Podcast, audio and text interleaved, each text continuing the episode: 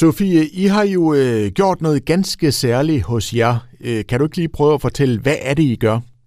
Jo, altså det, det vi har valgt at gøre, vi blev jo kontaktet af en øh, forening ved navn Slava Ukraini Danmark, øh, som er en organisation, der udelukkende består af frivillige, øh, som virkelig brænder for, øh, for den her sag, der foregår nede i Ukraine lige nu, i hvert fald på at hjælpe.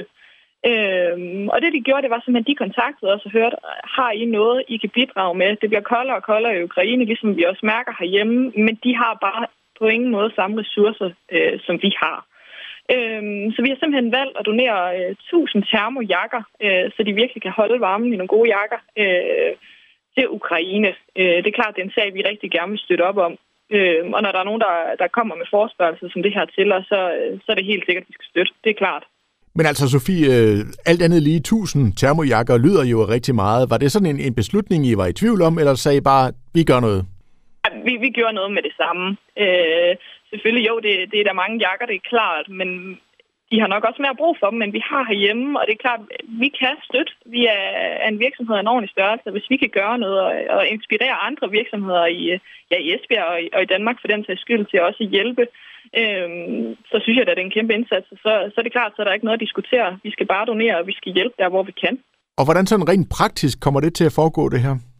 Jamen altså, vi har jo øh, sammen med den organisation, der har de modtaget vores jakker. Øh, og det de jo gør, det er, at de selvfølgelig de samler ind øh, og prøver at se, hvad de, hvad de kan, kan finde frem øh, af varer, som er, er relevante nede i Ukraine. Øh, så, så det er simpelthen den her organisation, der har taget initiativet, og så har vi jo selvfølgelig bare øh, sagt ja til at være med på vognen. Så alt det praktiske, det, det sørger de jo så for, de frivillige, der, der brænder for den her organisation og den sag. Øhm, så, så det er jo sindssygt fedt for os, at, øh, at de vil hjælpe til os, og at vi kan være med på at hjælpe der, hvor vi nu kan. Og Sofie, jeg kan også høre på dig, at det betyder meget, at de måske kan inspirere andre til også at, at gøre en forskel.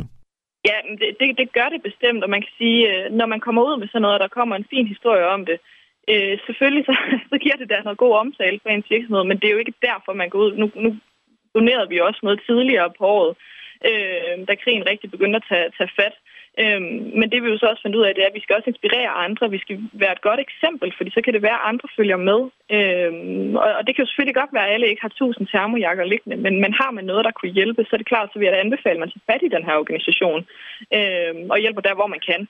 Fordi øh, igen, sammen der står vi stærkere, og, øh, og hvis vi kan være et, et godt eksempel på det, så, så er der ingen tvivl om, at det skal vi da være.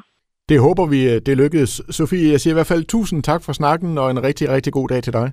Jo, tak, og, og, og i lige måde.